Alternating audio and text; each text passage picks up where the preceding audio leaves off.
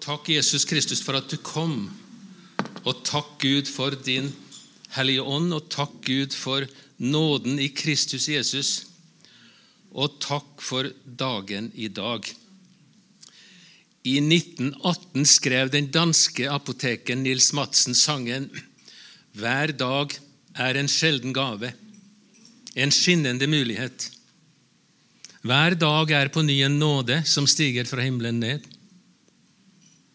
Og hver aften står hvite stjerner og spør deg om ikke hva du greide å få tak i, men hva du gav.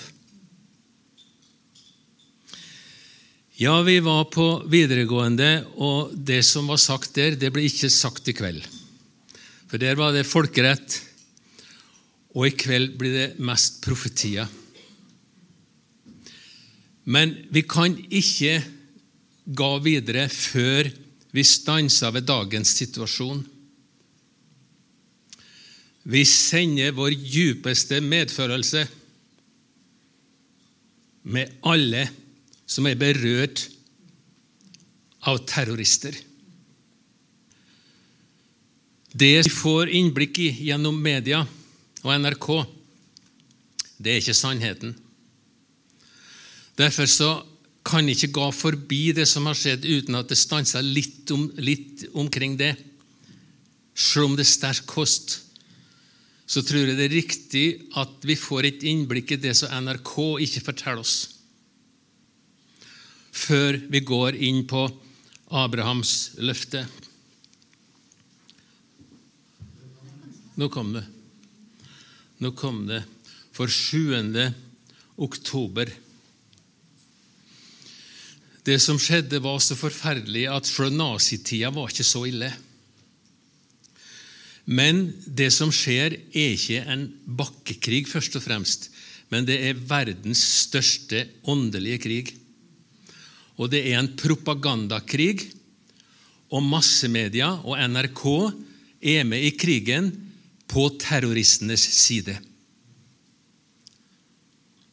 5000 raketter er det sagt ingen vet kanskje eksakte tallet, på noen timer 7. oktober innover sivile områder i Israel. 1400 var det visstnok som ble drept på bastialsk vis, og mellom 3000 og 4000 skadd. Hus i Tel Aviv, så rakettene rekker ganske langt. Hamas sitt mål det er så visst ikke tostatsløsning men det å utslette Israel.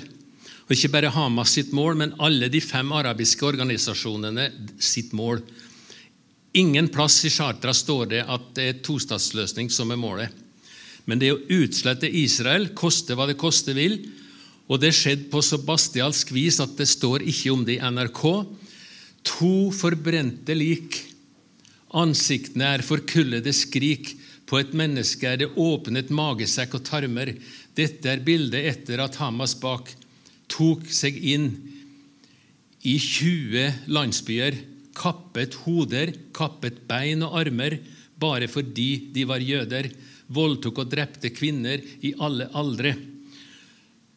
Over 200 var tatt i gisla.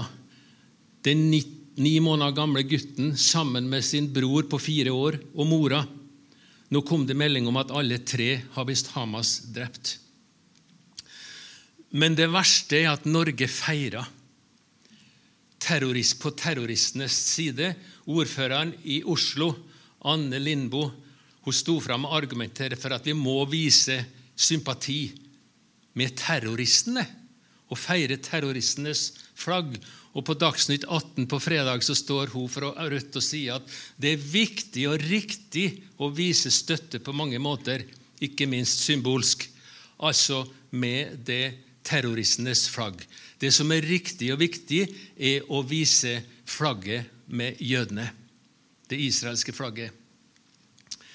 Det er sikkert en del her som går inn på dokument for å få informasjon. Han, En britisk eh, mann han heter for Douglas, er det ikke det han heter?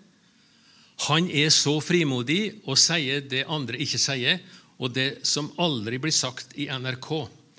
Men det som skjedde 7. oktober, var på et nivå med fordervelse. Ja, ikke engang nazistene gjorde noe så brutalt. Hele tiden mens de bruker en spade til å halshugge en mann. For hvert slag med spaden roper de 'Allah akbar'. Og I Brasil er det en islamsk leder som tar til tårene av glede for det som har skjedd over det Hamas gjorde. Australsk, ja. Hva sa jeg da? Du må nå skjønne hva jeg mener. Og ei palestina-arabisk dame som taler fritt på en TV-kanal. Ingenting vil noensinne kunne ta tilbake dette øyeblikket. Det var et stort øyeblikk, det var en triumf, dette øyeblikket. Av motstand, dette øyeblikket av overraskelse, dette øyeblikket av ydmykelse på vegne av den sionistiske enheten. Og hun der bor i Canada, men likedan. Jeg støtter Hamas. Historie ble skapt denne dagen. Jeg er veldig stolt av folket mitt. Veldig, veldig stolt. Og jeg ville elske om de ville gjøre det igjen og igjen og igjen og igjen og igjen. Og igjen.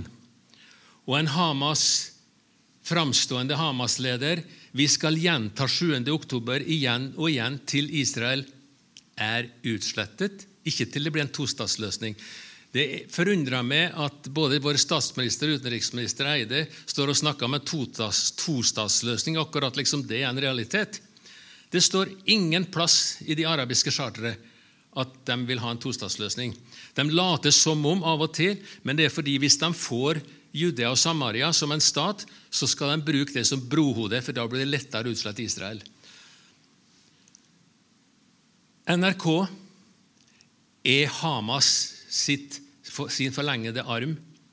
Straks Hamas fortalte om at et sykehus var bomma og 500 var drept, så gjentar NRK den løgna. Der er bilde av sykehuset som var urørt. Sannheten var at det var en rakett fra Gaza som ramma en parkeringsplass utenfor sykehuset. Forrige lørdag var jeg i Bergen, Grieghallen, på en stor konsert Etterpå så var det en tolvåring som kom bort til meg og sa, 'Hvem holder du med? Israel eller Hamas?' Bare spørsmålet var skremmende. Bare spørsmålet var skremmende. Og Jeg ble så paff at det ble stille en stund. og så er det noe, er det noe å spekulere på, tenkte jeg, om du skal holde med en terrorist eller et demokrati? Ja, men eh, Israel de bommer jo sykehusene. Så vi kan jo ikke holde med Israel. Så viste den det bildet her, for jeg har PC-en med meg. Sykehuset står urørt. Oi! Og så viste en profeti som sier at det som er rett, slipper ikke til. Slik er det når sannheten blir borte. Oi, står det det? Ja. Og det er dokumentert mange ganger at det var Hamas som skjøt rakett. For akkurat det tidspunktet så var det ikke skutt ut en eneste rakett fra Israel. Men NRK retta det ikke opp igjen. Så sa jeg nå vet du, nå kan du si til klassen og til læreren din at det er ikke sant. Å nei, jeg kan nok ikke det. Jeg må nok holde med resten av klassen. Hvis ikke blir jeg mobbet. sånn. Men strategien er å vise bildet. Hamas vil ha et blodbad på Gaza. Hamas vil ha et blodbad. De vet godt at de kan ikke utslette Israel med raketter innover Israel, men de vet at de vil, de vil få Israel til å skyte tilbake og lage til et blodbad, for så å få omverdenen til å fordømme Israel. Og Da vil forhistorien og konfliktens bakteppe komme i bakgrunnen. Altså, Da vil konfliktens egentlige årsak, som er islam, da vil det komme i bakgrunnen. Og Han sa det at det er en kynisk strategi å vise bilder av ruiner og drepte mennesker. Dermed kommer årsaken til konflikten i bakgrunnen. Men den virka. FN fordømmer Israel mange ganger mer enn alle andre land i verden til sammen. Og det er jo ikke så rart at, at i, i FN, 193 land, så er det 57 nasjoner som er islamistnasjoner som har organisert seg i en egen organisasjon som heter for OIC, Organisasjon for islamsk samarbeid. Forslagene kommer derifra, for de har som mål å utslette Israel. Og Det er ikke rart, men det er litt merkelig at de skal få flertall for sånne fordømmelser. Men så er det en ting som folk heller ikke vet. De vet det sikkert. FN har ingen myndighet. FN vedtar ingenting. Det eneste FNs generalforsamling har myndighet over, det er sitt eget budsjett. FNs generalforsamling kommer kun med forslag, med resolusjoner, med uttalelser og anbefalinger. Ingen bindende vedtak. Så vet du det. Men står du og sier at det er jo vedtatt i FN. Det er jo vedtatt i FN. Da må du slå tilbake og si at FN vedtar ingenting. De har ingen myndighet over nasjoner og ingen myndighet over landegrenser. Men Jesus har gjort oss oppmerksom på det. Har de forfulgt meg, så vil de forfølge dere. Forfølgelsen, Jødeforfølgelsen starta ikke 7. oktober. Den starta heller ikke ved Jom Kippur-krigen i 73. Den starta heller ikke ved seksdagerskrigen. Den starta heller ikke under andre verdenskrig, under Hitler, og da Israel ble gjenoppretta i 48. Nei, helt fra Josvas tid og frem til i dag har vi måttet kjempe mot alle de som ønsker å utslette oss. Hvorfor? Hvorfor? Og Theodor Hersel, som var Verdens sionistorganisasjons første president fra 1897, han skrev i ei bok i 1896 Ingen nasjon på jorda har overlevd slike kamper og forferdelige lidelser som vi har gjennomgått. Den som rører ved jødene, rører ved Guds øyensten. Ingen nasjon på jorda har opplevd slik forfølgelse som Guds øyensten. Hvorfor det? Det er verdens største åndelige krig og kamp som foregår. Det starta egentlig med Adam og Eva.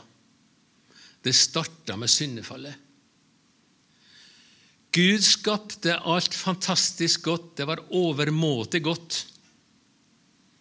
Og han skapte mennesket til mann og kvinne, og det var overmåte godt. Det var overmåte godt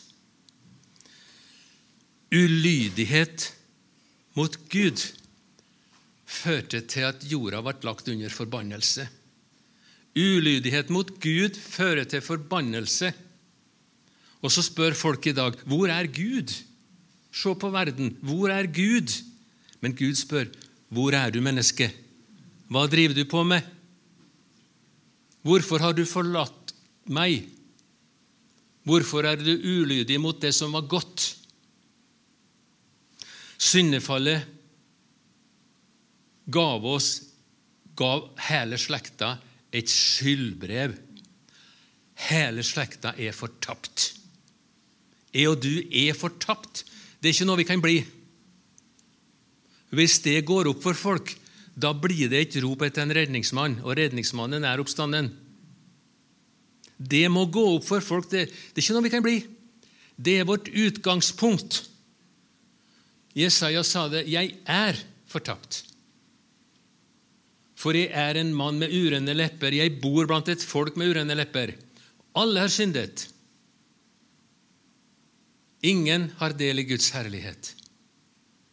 Gud er hellig, Gud er ånd, og bare den som er ren av hjerte, kan se Gud. Ingen er ren i hjertet. Ingen kan se Gud. Da var det det skjedde. Gud tok grep, som folk sier i dag. Oi! Da sa Gud, 'Jeg vil opprette min pakt med Abraham', en evig pakt for hans etterkommere, også for meg og deg. Adam synder, Gud skaper en plan. Han sender sin redningsmann Jesus Kristus. Men hvor hen? Det må være et destinasjonssted. Han kommer til Sion. Det profeterte Jesajas 700 år før han kom. Det er det spesielle med Israel, som ingen andre land har. At redningsmannen har med det landet å gjøre. Han kommer til Sion som forløser til alle dem av Jakobs ett som vender om fra synd. Og det er Guds tale. For aldri er noe profeti båret fram fordi et menneske ville det, men drevet av Den hellige ånd talte mennesker ord fra Gud. Det var ord fra Gud, og Guds plan, den slår til. Redningsmannen skal komme til Sion, men da må Sion eksistere. Den fysiske starten på Guds redningsplan starta med Abraham. Dra bort fra ditt land og din slekt og din fars hus til det landet som jeg vil vise deg, for jeg skal sende en redningsmann dit. Hva gjorde så Abraham? Han sto opp og dro fra Ur i Kaldea til det sted som Herren hadde sagt. Og Da han kom til Kanaan, drog Abraham gjennom landet helt til helligstedet Sikhem, til Moreeika. Da viste Herren seg for Abraham og sa:" Din ett vil jeg gi dette landet. Oi. Løft nå dine øyne, Abraham, og se. Mot nord, mot syd, mot øst og mot vest. For hele det landet som du ser, til deg vil jeg gi det, og til din ett for alle tider. En del av det han så, det gikk langt innom østsida av Jordanelva, langt inn i Jordan. Og vi vet Davids kongerike gikk langt inn i Jordan. Og han tvilte ikke på Guds løfte. Og han ble styrken i troen i det han gav Gud æren. For han var helt sikker på at det Gud har lova, det var han i stand til å gjøre. Din ett for alle tider. Ja, så sier muslimene vi er også Abrahams ett. Ismael, halvbror til Isak. Ja, vi er da også Abrahams ett. Ja, men det er en stor forskjell. Se her. Da viste Herren seg for Abraham og sa, Din ætt vil jeg gi dette landet.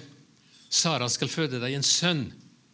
Det kom og så står det at 'jeg vil holde den æd jeg har svoret Abraham, din far', og 'jeg vil gi din ætt, Isaks ætt, men ikke Ismaels ætt'. Ismaels ætt har løfte om frelse, men ikke om landløfte. Og Gud gjentok til Jakob. Jeg er Herren, din far Abrahams Gud og Isaks Gud. Det landet du ligger i, vil jeg gi deg og din ett, ikke Ismael. De har ikke landløfte. Så vil jeg føre dere til det landet jeg med ed, jeg når Gud gir med ed, har lovet Abraham, Isak og Jakob, og det vil jeg gi dere til odel og eie. Det er Herrens ord. Og det er faktisk i tillegg folkerettens ord. Etter første verdenskrig, oppgjøret, så fikk jødene tilbake folkerettslig. Det ble redusert riktignok litt, men, men, området fra Jordanelva til Middelhavet det fikk jødene folkerettslig etter første verdenskrig, og den folkeretten er ikke oppheva. Du skal være min frelse til jordens ende. Frelsen gjelder alle, men ikke landløftet. Vi skal ikke ta så mange stopp der, det blir ikke tid til i kveld. Men jødene har opplevd og til Egypt, også til Babylon. Til Babylon skal de føres, og der skal de være helt til den dagen jeg tar meg av dem, lyder ordet fra Herren. Hvorfor det? De var ulydige mot Gud. De var ulydige mot Gud. Da var Daniel 16 år Han var med på den ferda. Og da satt jødene ved Eufrat elvebredde og gret. Hvor er Guds landløfte? Hvor er Guds ed? De kom jo i tvil, men de har snudd Gud ryggen. Satt og gret ved elva på tur til Babylon. Vi hadde fått landløftet på Israel. Hva gjorde Daniel da? To ting. Han ba. Jeg ba til Herren min Gud, bekjente vår synd og sa:" Å Herre, du store og forferdelige Gud, som holder din pakt og viser miskunn mot dem som elsker deg og holder dine bud. Vi har syndet og handlet ille, vært ugudelige og trassige. Vi har ventet, vi har veket av fra dine bud og lover. Vi har ikke hørt på dine tjenere, profetene, som talte i ditt navn til våre konger, våre høvdinger og fedre, og til alt folket i landet. Du, Herre, er rettferdig, men vi må skamme oss. Herre, hør. Herre, tilgi. Herre, gi akt på vår bønn. Grip inn. Drygg ikke. For din egen skyld, min Gud. Og så las Daniel i profetien. Når 70 år er gått fra Babylonia, skal jeg se til dere. Jeg vil gjøre det jeg har lovt, og føre dere tilbake til dette sted. For jeg vet hvilke tanker jeg har med dere, sier Herren. Fredstanker og ikke ulykkestanker. Jeg vil gi dere fremtid og håp. Da fikk også Daniel håp. Og Guds ord og profetier slår aldri feil. Da henter jeg dem og fører dem tilbake til dette sted. Det skjedde når kong Kyros tok, uh, tok Babylonia fra, fra Nebukadnesar. Han lot jødene for å dra tilbake. Daniel han var der helt til, til kong Kyros kom. Så fikk jødene dra tilbake. Og det står i Bibelen eksakt hvor mange voksne og kvinner og barn som dro tilbake. Til sammen var det litt over 40 000. Ikke alle dro, men kong Kyros oppretta da det persiske riket. Det var det første verdensimperiet som var etablert. Og Det kunne vært sagt mye om det, men det får vi ta en annen gang. Eh, der òg, var det foreslått eller jobba de for å utslette og drepe alle jøder. For det var så stort, det persiske riket. Det gikk fra Etiopia til India med 127 provinser. I alle provinser var det planlagt at alle jøder skulle drepes, men ble avverga i siste liten fordi at dronninga var jøde i all hemmelighet. Tenk! Det var profetert 150 år før kong Kyros kom. Gud brukte Kyros. Gud bruker den han vil. Men det var profetert 150 år før han kom. Jeg sier om Kyros, min hyrde Gud kaller han for en hyrde som skulle føre jødene tilbake for å fullføre Guds løfte og ed, som skal gjennomføre alt det jeg vil, sier Herren. Hun skal bygges, og om tempelet, det skal grunnlegges. Det er i arkeologiske utgravninger funnet stempelavtrykk med navnet Jesaja på. Det er så mange bevis som er som er kommet fram i arkeologiske utgravinger i Israel. Eh, såkalte palestinere, men det er jo arabere. Palestina-araberne har visst bygd et stort museum for å dokumentere såkalt palestinsk historie, men det står tomt. For de har ikke funnet noe såkalt palestinsk historie. Alle utgravninger dokumenterer at jødene og Jesaja han var profeti mens bl.a. Hiskia var konge. Og de har funnet et stempelavtrykk som det står Hiskia på òg. I Iran er det oppført et historisk minnemerke over kong Kyros. Det er ti meter høyt. Og da, da Under 70-årsjubileet for gjenopprettelsen av Israel så laga Israel en mynt med to herremenn på som de mener har gjort mest riktig for jødene, det var kong Kyros og Trump. Ganske utrolig. Der, der. Men det er jo faktisk sant. Det er jo faktisk sant. Han anerkjente Jerusalem som hovedstad. Han slutta å skrive okkuperte i offentlige amerikanske dokument, slutta å skrive okkuperte foran Judea og Samaria, Vestbredden, og slutta å skrive okkuperte i offentlige dokument foran Golan. Så Gud måtte faktisk sette inn han for å få sin plan på plass. Enda så rart det høres. Men 100, nei, 70, 700 år før Jesus kom til Israel Et barn er oss født, en sønn er oss gitt. Herreveldet er lagt på hans skulder, og hans navn skal være underfull rådgiver, veldig Gud, evig far og fredsfyrste. Han kommer til Sion. Det gikk 700 år, men så kom han. Enda til, til Betlehem står det at han skulle komme i, i, i Mika. Han skulle komme til Betlehem. Alt skjedde. Men dere skal erfare av hele deres hjerte og hele deres sjel at ingen av løftene som Herren ga dere, slo feil. Alt har gått i oppfyllelse. Ikke ett ord slo feil. Det kommer det heller ikke til her i fortsettelsen. Rop høyt av glede, Sions datter. Bryt ut i jubel, Jerusalem. Se, din konge kommer til deg. Rettferdig er han, og, seier er gitt ham. Ydmyk er han og rir på et esel, på den unge eselfolen.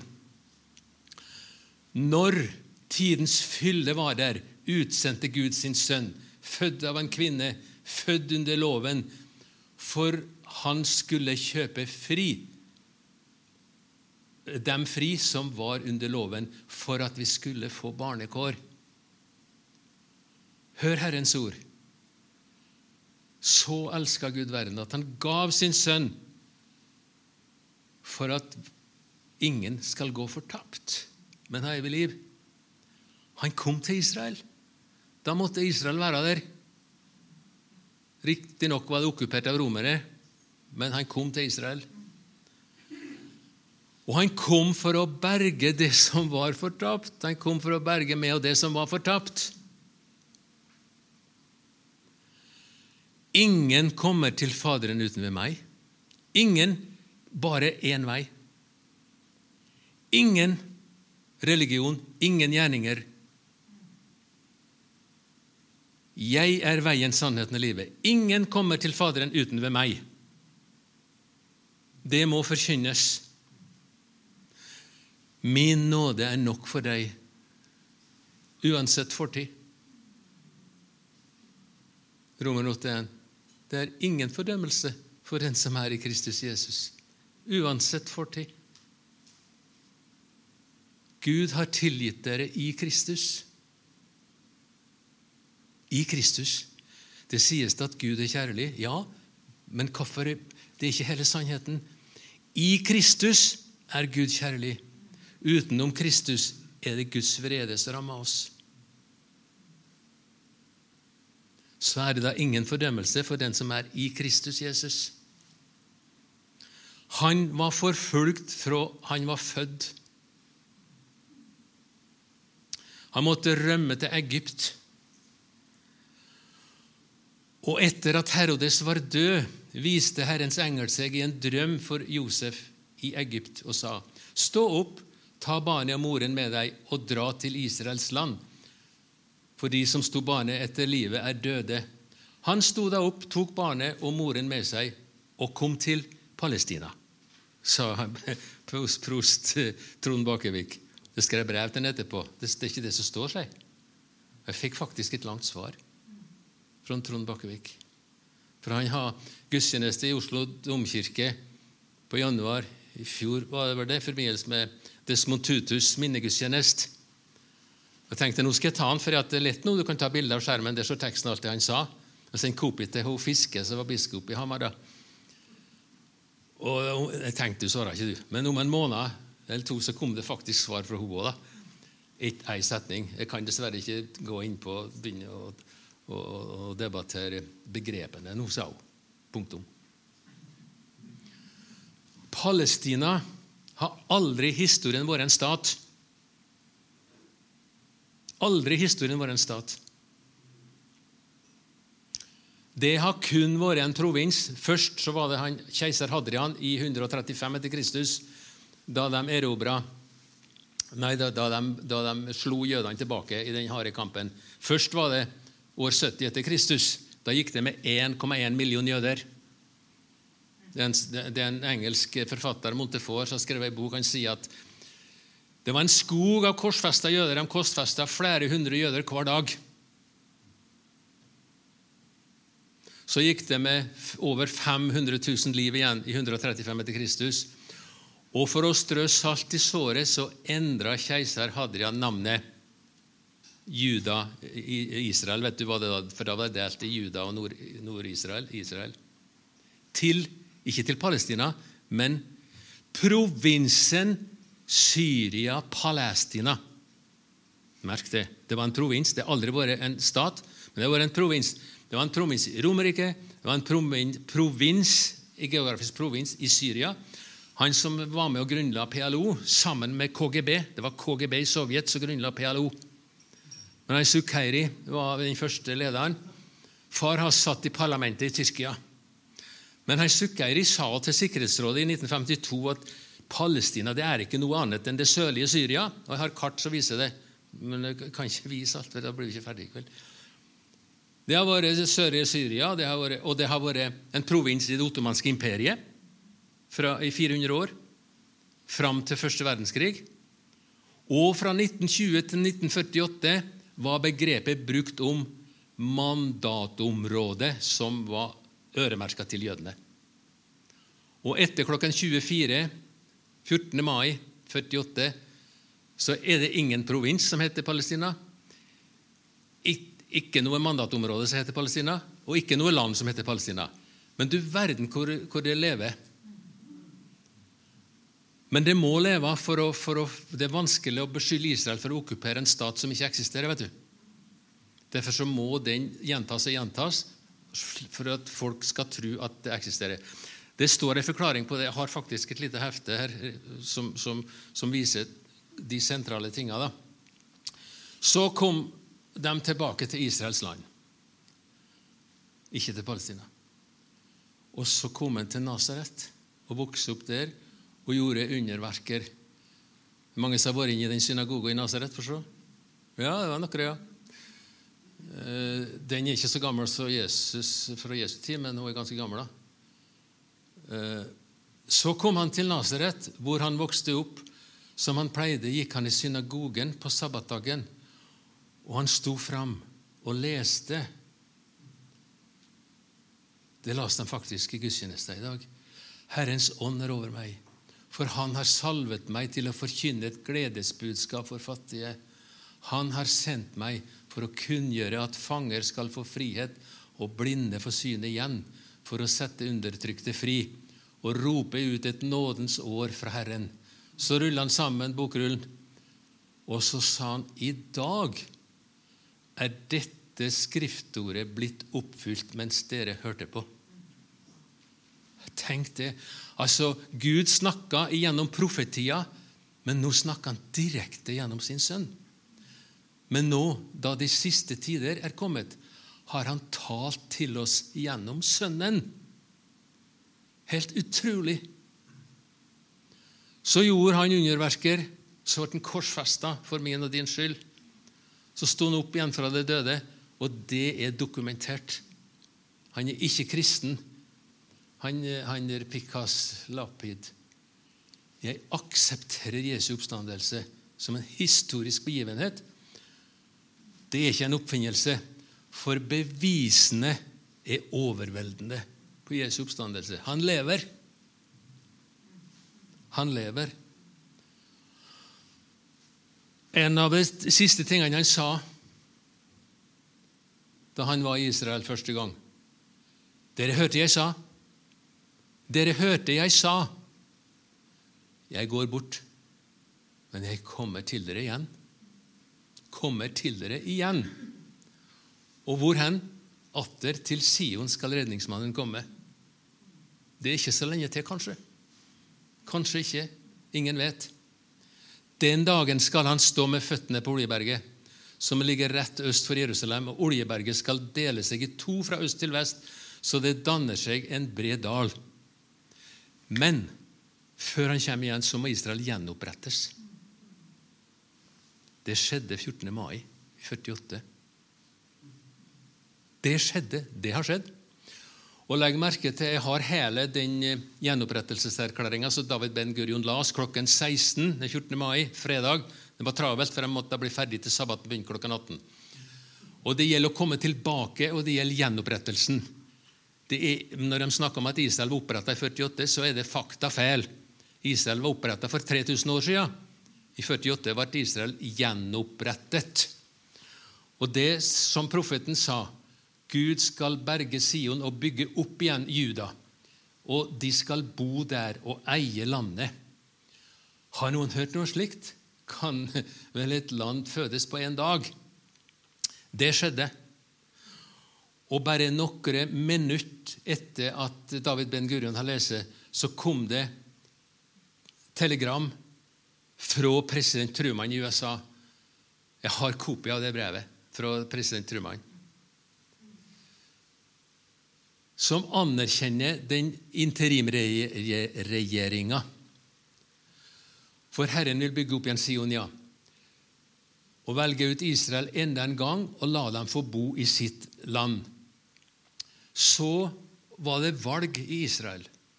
Demokratisk, For det var jo interimregjering. sant?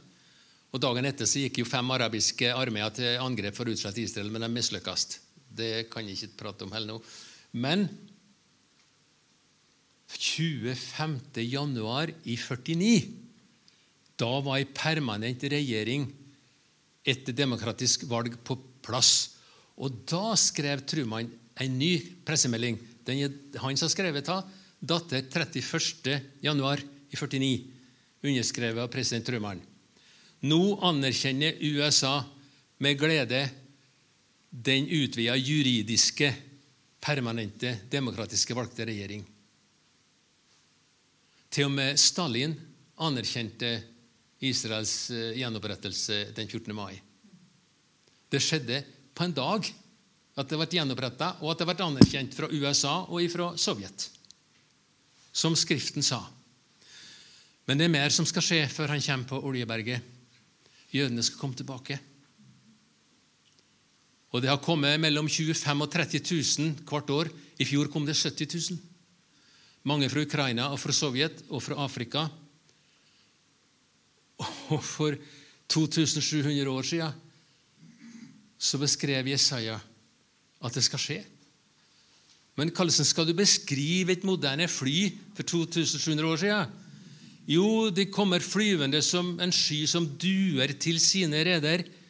Er det mulig? Ja, det er mulig. Det er mulig. Og det er Herren som vil hente dem fra folkeslagene og samle dere fra alle landene. 140 land iallfall kommer de ifra nå. Og jeg vil la dere bo i deres eget land. Og så detaljert er det profetert. Da skal de komme med dine sønner på armen og dine døtre skal bæres på skulderen. Akkurat det skjer. Og nå kommer de i hopetall. Alian starta egentlig på 1800-tallet.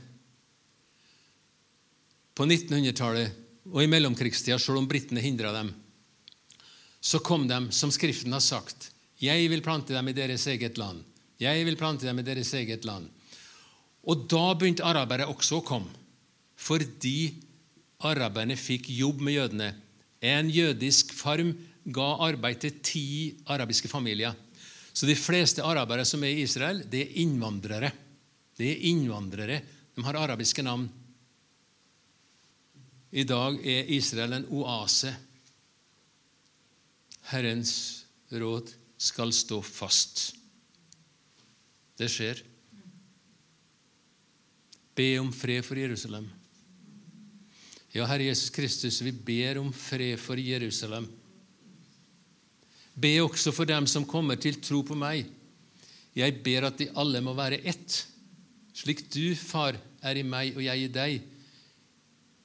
At også de må være ett i oss. Ja, Herre Jesus, takk for at du ber for oss. Og vi ber om at de troende må bli ett, slik du og Faderen er ett. Be også for dem som forfølger dere. Ja, Herre Jesus, vi ber for dem som driver og forfølger jødene og andre kristne. Vi ber for terroristene. Åpenbare det for dem, Jesus, og kall dem til omvendelse. Vi ber om det, Jesus. Amen. Israel er landet redningsmagnen Jesus Kristus kom til. Derfor angripes og fordømmes, fordømmer mørkets makter Israel mer enn alle andre land i verden. Årsaken til konflikten i Midtøsten er enkel. Det er at den ene parten vil utslette den andre parten. Det blir bare ikke sagt. Sannelig, sannelig, sier jeg dere. Den som hører mitt ord og tror på Han som har sendt meg, hva med han? Han har evig liv og kommer ikke for dommen. Føler du deg fordømt? Ja, men den som hører Guds ord og tror på Han, kommer ikke for dommen, men er gått over fra døden til livet. Så da er det ingen fordømmelse for den som er i Jesus Kristus. Hør det. Ta det med. Takk, Jesus, at du kom, og velkommen igjen. Amen.